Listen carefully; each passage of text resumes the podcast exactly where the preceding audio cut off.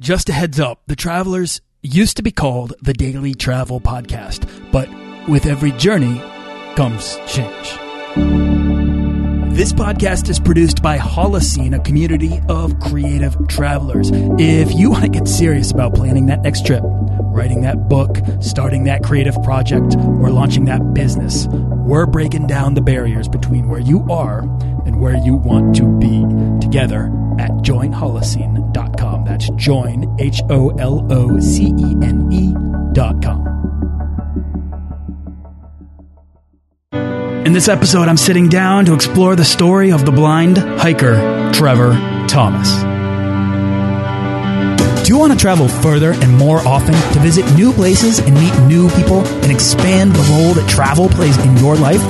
I'm your guide, Nathaniel Boyle, an explorer that wants to help you get out, see the world, and find meaningful, life changing experiences. Everyone wants to be adventurous and have great stories, to do the stuff of legend. This is the Daily Travel Podcast. Now, before we dive in, if you want to get started earning frequent flyer miles or points to travel for as close to free as possible, then you can head on over to dailytravelpodcast.com and sign up for the weekly newsletter and get my book, The Beginner's Guide to Points and Miles, completely free. Trevor Thomas always loved extreme sports. This love, however, was threatened when in 2005, at the age of 36, Trevor began to lose his sense of sight and eventually he went completely blind.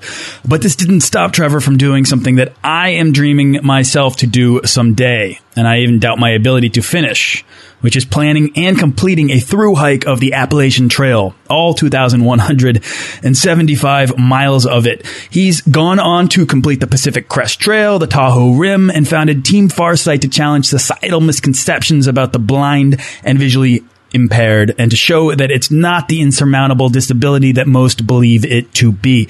Um, so I'm thrilled to have Trevor, the blind hiker, on the show today, just to get into exactly that, how he's managed, how he's managed to make a, a career out of hiking and uh, and inspiration, uh, despite the struggles that he's he's kind of endured. So, uh, Trevor Thomas, thank you so much for coming on the show. Oh, thanks for having me. I'm I'm thrilled to have you. Uh, where are you right now? I am sitting in my office in Charlotte, North Carolina, actually preparing for my next trek. Oh, perfect. Where's your next trek? I'm waiting for the snow to come down a little bit because I need some winter work with my guide dog Tennille. So we're going to go through hike the Smokies. Oh wow! Oh, that's a big deal. That'll be a lot of fun. All right, so I shared a little bit about you, very tiny bit, but I want you to, you know, introduce yourself, Trevor. Tell us where you're from and how you got started uh, traveling, and also in getting into extreme sports. Okay. Uh, well, currently I reside in Charlotte, North Carolina. I guess I can call myself uh, a true resident because two years ago I bought a house here, so I have roots. Um, my love for for extreme sports started at the age of three, when my mom and dad decided it would be fun to take us all skiing. Once I once I got uh, got a taste of that, taste of going fast, a taste of the adrenaline, it just it ballooned from there. Uh, so pretty much throughout my sighted life, my passions were skiing, downhill mountain biking, got into skydiving, which was a true love, and then ultimately ended up racing Porsches and doing that on the uh, on the amateur level.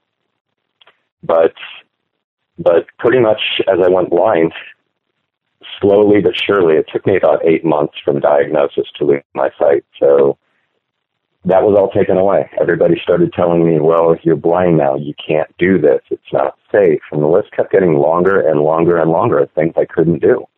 So I, I did what everybody does. You get to the point where you just say, I can't live like this.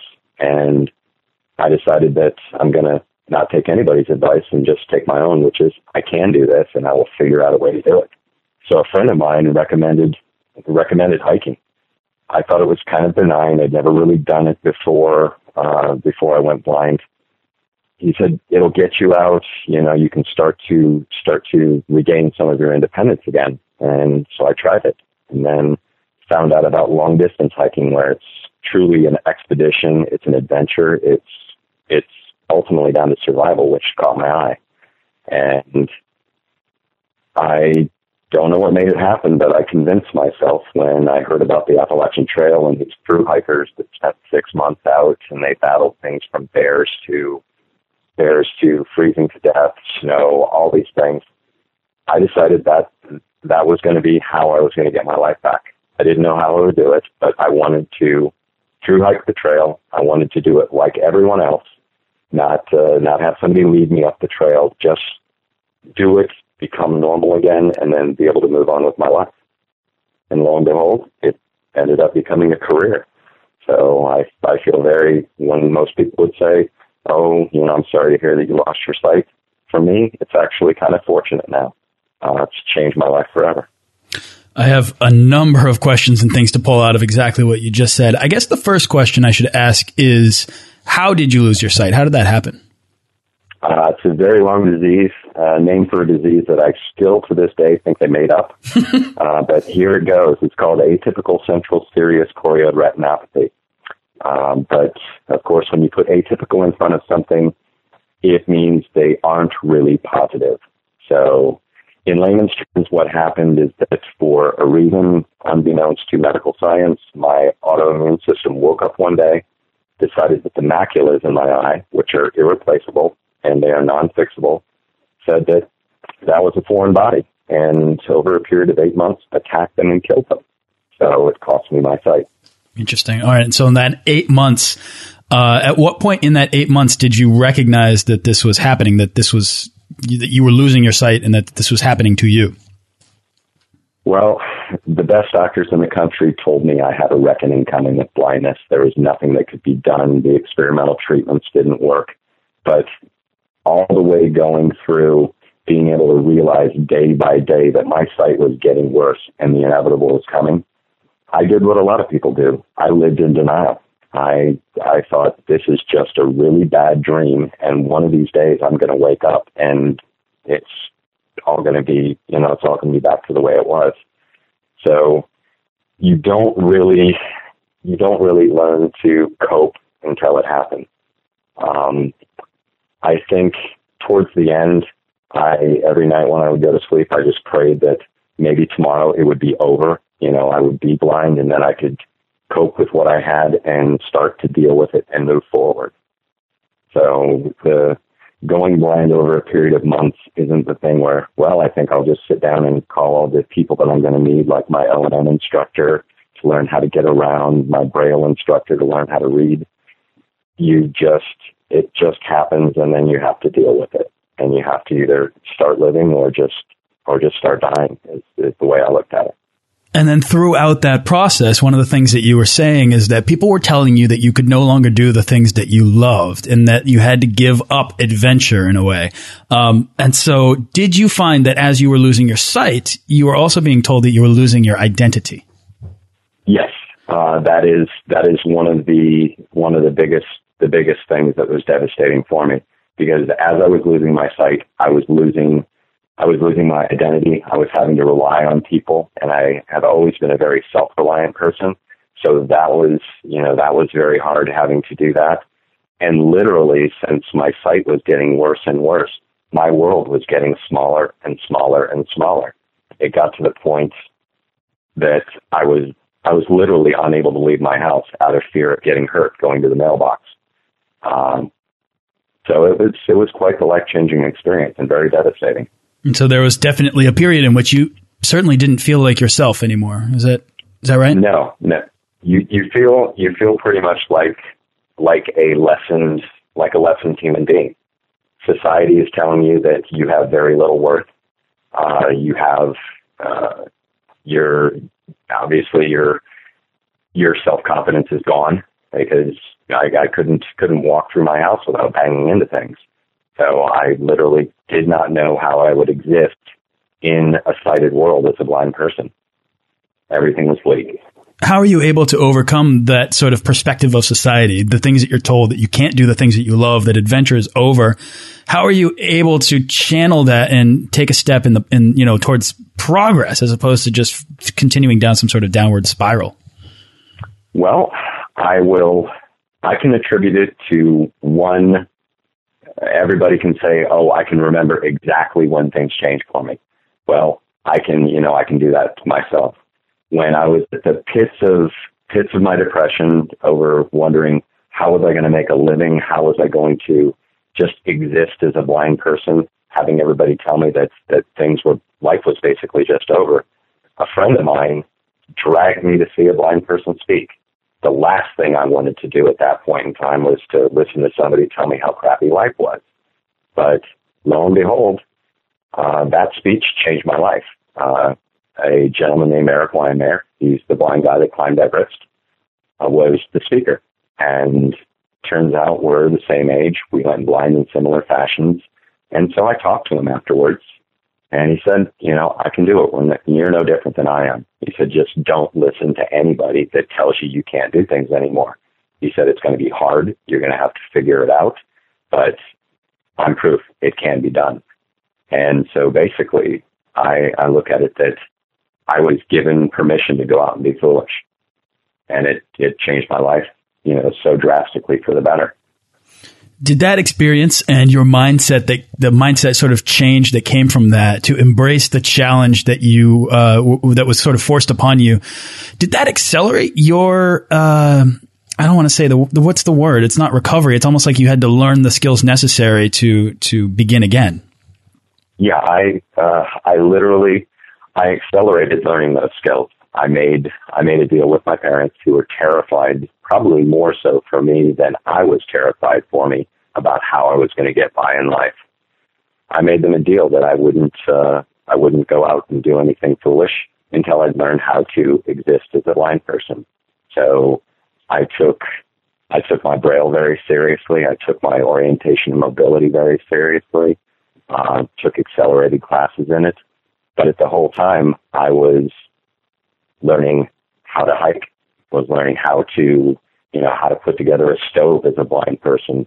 I enlisted one of the guys at the local gear store to find me a tent that I could use.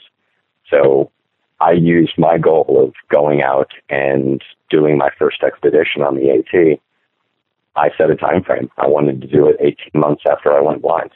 And I said, I will learn everything I have to know before I walk out on that trail so I can live up to my obligation. So in that way, planning planning that track almost helped your it helped aided your your recovery. Again, I'm, I, am trying to use I'm trying to avoid using the word recovery because it's something different than that, and it's actually something it's something bigger than that because it's it's not like necessarily a healing process. It's a uh, it's like a um, it's a whole new world. Well, I I equate it to people when they ask me is I learned I learned everything that a human being needs to know in life twice. For me, at the age of, of 36, it was it was like going back to kindergarten. I had to learn how to match my socks. I had to learn a system for washing my clothes. I had to learn how to com- use a computer all over again. I had to learn how to read and write. So literally, I went through what I would call childhood class. Wow. Wow. And that must have tested your patience, especially as someone who likes to go fast it, um, especially something like learning Braille, that really tested my patience. I, I never dreamed that I would sit down and at the age I was be just dumbfounded by trying to put to put the letters C A T together and trying to make a word out of it.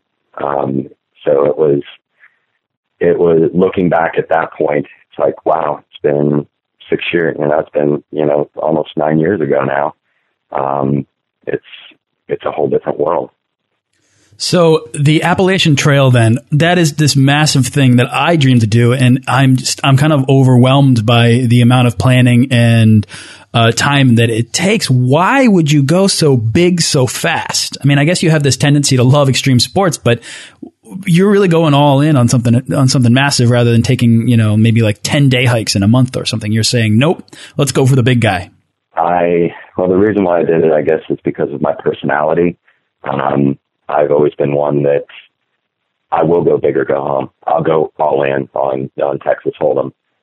But for me, I chose that because it was it was such an astounding goal, and I literally went went at it that there were only going to be there were going to be three things that would keep me that would keep me from finishing. Number one, injury, number two, illness, or number three, death. Um, that's because I, at that point, I had nothing to come back to. I had no job. I had no prospects for a job. I had, uh, at that point, no place to live. Um, so it was, it was a point where you decide to go all in. And luckily it came out, came out on the positive side. It, define positive side though. I mean, I think the reason I'm asking this, and let me let me explain, because it sounds like uh, it would be. I mean, you did it, you you achieved it, you finished the Appalachian Trail, which is amazing. But along the way, I would imagine that the challenges must have must have been maybe even as hard as uh, as learning to function in society again. It was probably one of the most difficult and demanding things that I'd done in my life up to that point. I had to they don't make gear for blind people. They don't make maps for blind people. They don't make guidebooks for blind people. So I had to invent along the way. I knew out there that every day literally could be my last. If I made one wrong step, I shatter a kneecap, um, you know, I break, I break a leg, then it's over. So I, I planned and planned and planned to the point where I I had already finished the trail in my head maybe five, six hundred times before I even got on trail. And I did that so I knew when you go in the backcountry, you're going to have to deviate from your plan so many times. I needed to be able to deviate as a blind person to be able to return to get back on track without having anything bad happen.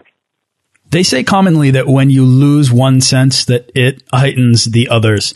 Um, and this is something that people who have not lost one sense, uh, and you know, we've, we've heard a lot. It's it's it's common. It's a common saying, but I think it's hard to kind of understand. But perhaps, Trevor, when you're out there with nature or standing on the peaks of mountains, what do you feel? And does do are, are you aware of this sort of this sort of change when you're when you're out there? Well, um, I will I will say that your other sen- your other senses are not heightened Okay. Um, you don't get you don't get superhuman hearing. You don't get superhuman smell. right. That's the, the wrong is, word. Yeah, the world is ninety percent visual. With that taken away, I have to rely on my other senses. So even though they haven't gotten better, I become more attuned to every other sense that I have to help replace the void of not having my sight. So many people have asked me, why the heck would you want to climb a mountain because when you get to the top, you can't see the view. And for me, you know, I have to tell them that as, you know, as a blind, as a blind, uh, distance hiker, when I get to the top of the mountain, I feel that I'm more fortunate than somebody else. And here's why. Number one, it takes me 10 times the effort to get to the top. So it's more rewarding. And number two, I get to experience it in multidimensional sense. Most people can remember that view they had, kind of like a snapshot. What I take away is, was it cold? Was the wind blowing? Was it blowing on the right side of my face, the left side? Was the sun shining? What did it smell like? Was it a crisp day? And so it gives me a very robust, not picture, but feeling of what it, of what it was like. And for that, you know, for that, I feel, you know, I feel very fortunate. Can you remember your favorite piece of the Appalachian Trail? Um, probably like everybody else, I would say it would be, you know, the typical thing would be Mount Katahdin when you get to the end, because uh, it was such a struggle day by day to get there. But I would say the most, the most rememberable uh, peak or place on that particular trail or on any trail is the place that I've just I've just been. And that's simply because I've made it a little bit further, one more step and one more, you know, one more accomplishment. So it was really achievement oriented. It was almost as if by, uh, uh, completing one challenge, it motivated you then to take the next step into into whatever challenge lay ahead. Exactly. I don't think I don't think whether you're sighted or sighted, blind, um, whatever disability you would have, or no disability, nobody goes and does what we do as a long distance hiker. You don't punish yourself like that for for a snapshot. You do it for the adventure. You do it for the accomplishment. You do it for every you know, appreciating every day that you're out. And you take it for the good and the bad. Yeah, for the experience and for that sense that you are continuing to find the best version of yourself. Do you find that, Trevor? Because that comes up a lot on this show. Is that uh, I often kind of challenge this idea that people go out into the world to find themselves, but instead to go out and become a best version of themselves by uh, rising to any challenge that they put in front of themselves and overcome it thus redefining uh, what you believed to be possible before. Um, so all of a sudden you come home and you say, "Wow, I'm I'm better than I thought I was. I can't wait to keep going." Do you do you feel that that you, does that resonate oh, with you? Oh, I, I, feel that. I feel that 100. Um, percent Obviously, the AT was not the only trail I've done. Uh, this season, we're going to go over 20,000 trail miles, and I'm really, really excited and really proud of, of that accomplishment. But every time I go out, every trail I choose, every expedition I go on, I choose it because it has some aspect, some element that I have not accomplished before. Um, most recently, we just we just did the Tahoe Rim. It's my second time on that trail. First time I did it with a partner, but I wanted to go back and prove to myself that I could do that trail totally alone and do it in the part of the season when there wasn't anybody on trail to test my limits, to push the envelope to see what physically is possible. And I do that for every trail that I choose. So I think it's a I think it's a very worthy goal for anybody to have is to is to push the boundaries and challenge yourself just to you know just to improve yourself. Right. Uh, well, now you said you did the Tahoe Rim alone, and that you also you completed the AT alone. How often do you hike alone? And is that something that you I mean, how how do, how do you decide whether you're going you can or cannot approach a hike based on its level of danger alone by yourself? My ultimate goal when I did the AT uh, was to was to get to the point where I am now, which is to be able to go out on the lesser traveled trails and be able to successfully navigate it alone. Obviously, for for myself, for anybody else that goes out, there are some there are some trails, some some terrains that you will go through where it benefits you a lot to have a partner.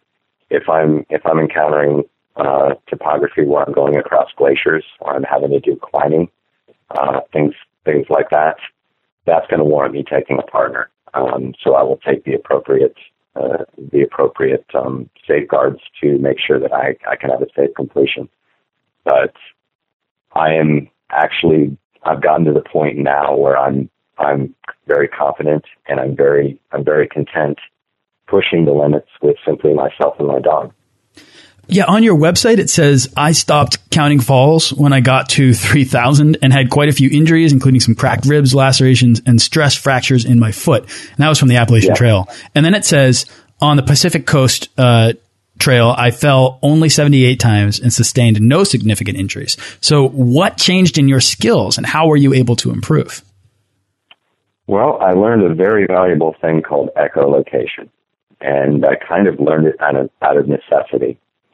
What it is, is I am kind of like a human bat. Yes, I, I was thinking sonar when you said that.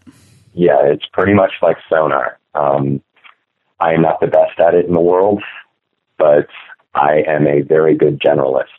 I found that when I was by myself and with so many miles having to reevaluate my environment, starting to really pay attention to those other senses, I could start to dissimulate different sounds and the sounds of, of what they meant. And I started creating a library.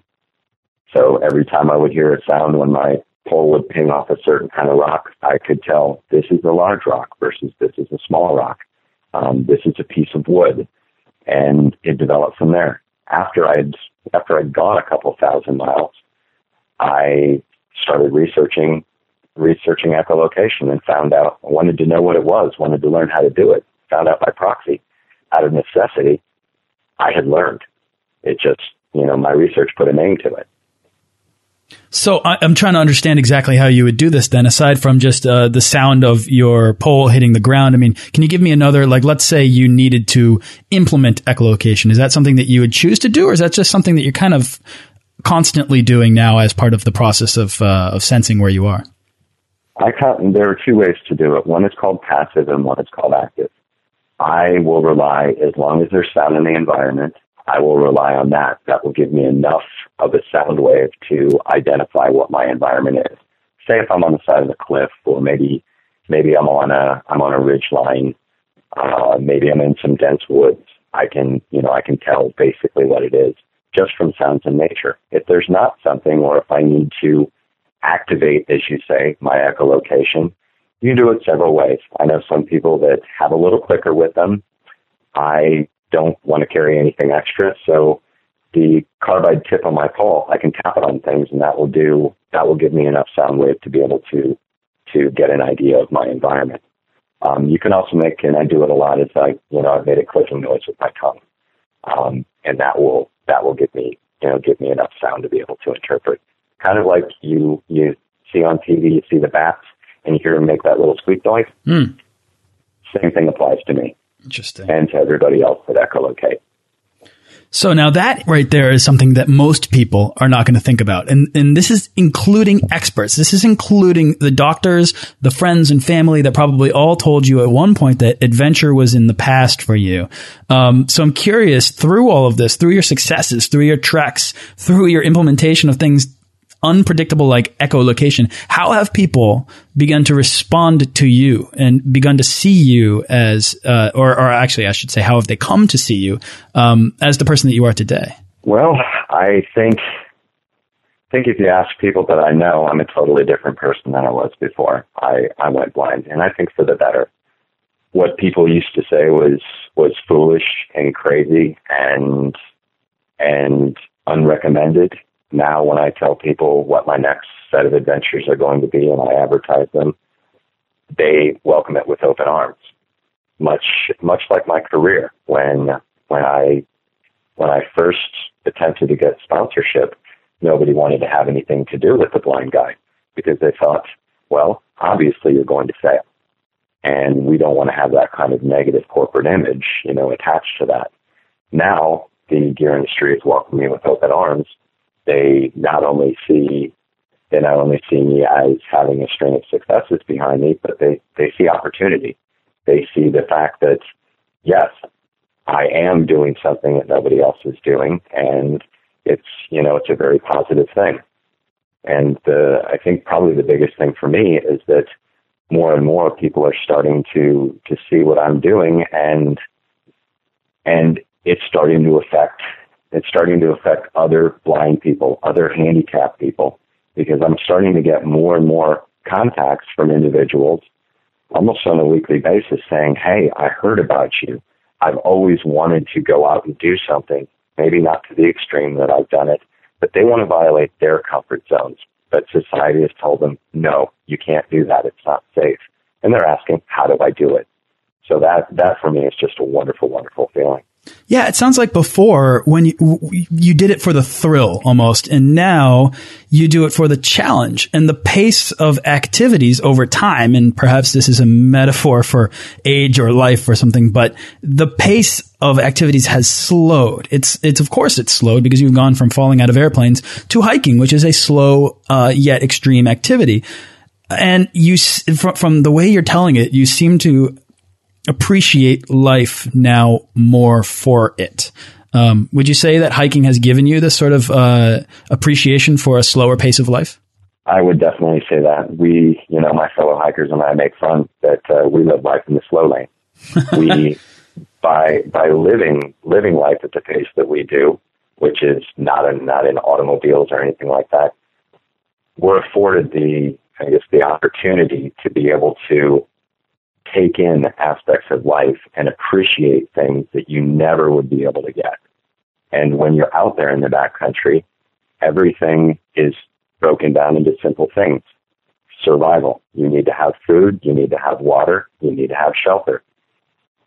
You don't have internet. You don't have, you know, you don't have your, your phone with you and talking on the phone all the time. You can, you have the time to be able to appreciate life in a totally new dimension. I love that. Trevor, is there anything else that you'd like to share about travel or, or, or life before, you know, we, or hiking or anything before we begin to wrap up? Well, I, I think number one, what I would like to, especially to your visually impaired, uh, your vision, visually impaired listeners, or to anybody that has any type of challenge that they're facing, I I'd like to tell them that that you know I am living proof that if you have a dream, if you have a desire and you want to do it, um, please, all you got to do is figure out a way to do it. Um, achieve that goal, go out and do things. And the world is a gigantic place. There's so many wonderful things to experience. Don't let people tell you that no, you shouldn't do it. So maybe it's a waste of money or anything like that. Just take life by the reins and go out and attempt it and, you know, better yourself as a human being. Trevor, what's exciting you the most right now? Where's your next trip or what's your next project? Well, you mentioned your, your next hike. My next hike, I wanted to have one more before the end of the year. Um, but my project that I'm putting a lot of energy into right now is my blind ambassador program. I have one location right now. It's with the Perkins School for the Blind and the Boy Scouts in Manchester, Massachusetts. And what we've done is through that partnership, we have created a hiking program unlike any other for the blind kids at Perkins. But also the Boy Scouts are getting to learn and respect what it's like to be blind. So we're breaking down the barriers of blindness. We're giving confidence, which is desperately needed for the blind kids, so they can go out and they can they can achieve what they want to in life. They can have that confidence to know that somebody tells them no, you can't do it because you're blind. They can say, hey, I can do it because I went out and I did this in a totally unadaptive environment. So I think you're wrong. That's my that's my thing that I'm working on now, and we've got about 2,000 miles of trails that we're going to be doing next year. So wow. we're excited about that. Well.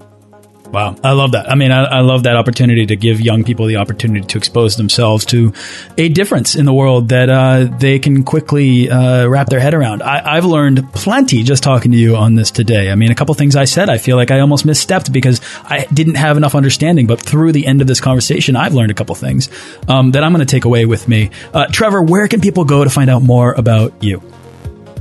they can go to my website, which is www.blindhikertrevorthomas.com. And I'll be announcing it on my website. I just got my foundation uh, approved by the Secretary of State, so my Team Farsight Foundation website will be going live next week, and they can follow all our adventures uh, with my Blind Ambassador program there. Great. So that's Team Farsight and then uh, blindhikertrevorthomas.com. Uh, Trevor, thank you so much for spending your time with us today and sort of, I mean, obviously demonstrating how blindness, it's not the insurmountable disability that most believe it to be. Uh, and you're serving as this inspiration for anybody that's listening to overcome whatever barriers you believe might exist or excuses you give yourself to experience the world, find that adventure, or take that trip. So, Trevor, Thomas, thank you so much for coming on the show and sharing your story today. Oh, thank you much for having me.